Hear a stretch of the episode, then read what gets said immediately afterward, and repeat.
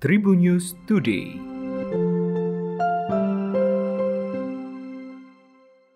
Tribuners berjumpa kembali bersama Hakim di Tribun News Today dan Hakim akan berbagi informasi menarik hari ini mulai dari informasi nasional, regional, selebritis dan juga olahraga.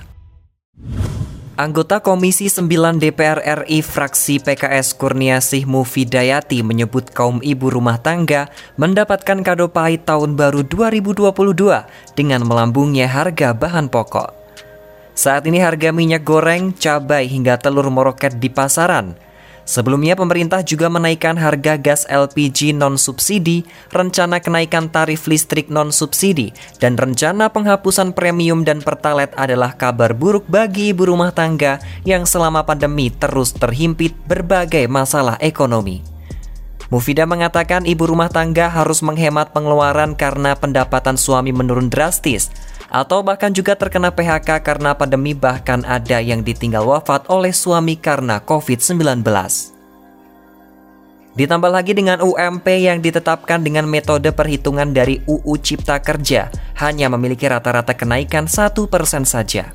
Sementara itu, Wakil Ketua Bidang Perempuan dan Ketahanan Keluarga DPP PKS Diah Nurwita Sari menambahkan agar pemerintah terus menebar semangat positif dan optimisme kepada para ibu di Indonesia, bukan dengan beban berat dan rencana yang justru menambah penderitaan masyarakat.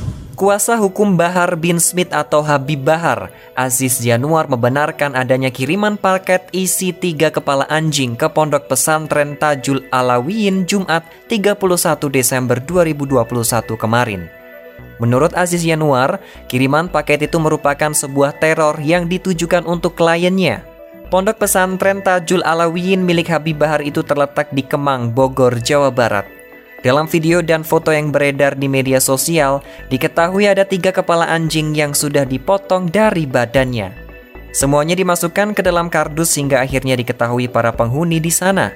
Terkait rangkaian teror tersebut, ahli psikolog forensik Reza Indragiri Amril memberikan komentar. Ia menilai ada pesan mau dibalik pengiriman kepala anjing dan kepala kambing busuk itu ke Habib Bahar dan Razman Nasution. Menurutnya pengiriman bungkusan berisi kepala binatang barangkali memendam amarah, sakit hati, kebencian atau perasaan-perasaan negatif lainnya. Sembari menunggu pihak kepolisian menimbang-nimbang kemungkinan menjalankan proses hukum dari sisi kepentingan binatang, Reza mengimbau kepada siapa pun agar tidak langsung memanfaatkan tubuh binatang sebagai media simbolik untuk memuntahkan brutalitas. Cassandra Angeli yang saat ini tersandung kasus dugaan prostitusi online mengaku sering menerima godaan lewat direct message Instagram. Dalam sebuah tayangan di YouTube, Cassandra mengaku sering diajak pergi ke klub malam dan diminta menemaninya ke hotel. Tak sampai di situ saja, Cassandra juga kerap menerima kiriman foto vulgar lewat DM Instagramnya selama ini. Cassandra mengaku langsung memblokir akun yang menggoda dirinya. Cassandra Angeli menceritakan bagaimana dirinya bisa mendapatkan kiriman foto-foto vulgar dari pria-pria yang tidak dikenalnya. Sekiranya ada 10 akun yang didapati oleh Cassandra mengirimkan foto-foto tersebut melalui DM Instagram. Saat ini Cassandra Angeli sedang diamankan di Polda Metro Jaya terkait dugaan prostitusi online.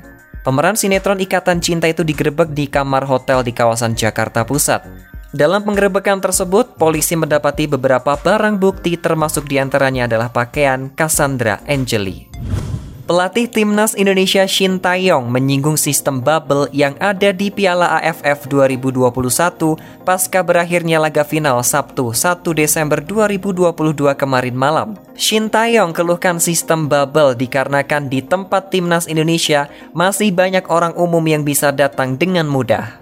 Menurutnya, tempat menginap timnas Indonesia harus steril dari para pengunjung umum. Malahan, juru taktik asal Korea Selatan itu mendapati pengunjung hotel yang sedang mabuk di lantai tempat penginapan mereka di hotel mewah tersebut.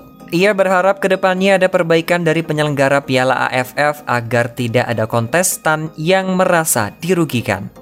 Kritik yang disampaikan Shin Taeyong tersebut merupakan buntut dari dilarangnya empat pemain timnas Indonesia tampil di leg kedua final Piala AFF 2021. Imbasnya, skuad Garuda tak bisa tampil full tim saat ditahan imbang Thailand 2-2 di Stadion Nasional. Timnas Indonesia pun harus puas menjadi runner-up sedangkan Thailand keluar sebagai juara Piala AFF 2021 karena menang agregat 2-6. Demikian tadi empat informasi terupdate hari ini dan jangan lupa untuk terus mendengarkan Tribunnews Today hanya di Spotify Tribunnews Podcast dan juga YouTube tribunnews.com. Tetap patuhi protokol kesehatan 3M dengan memakai masker, mencuci tangan dan menjaga jarak atau menjauhi kerumunan. Saya Hakim pamit, salam sehat untuk semua. Tribun News Today.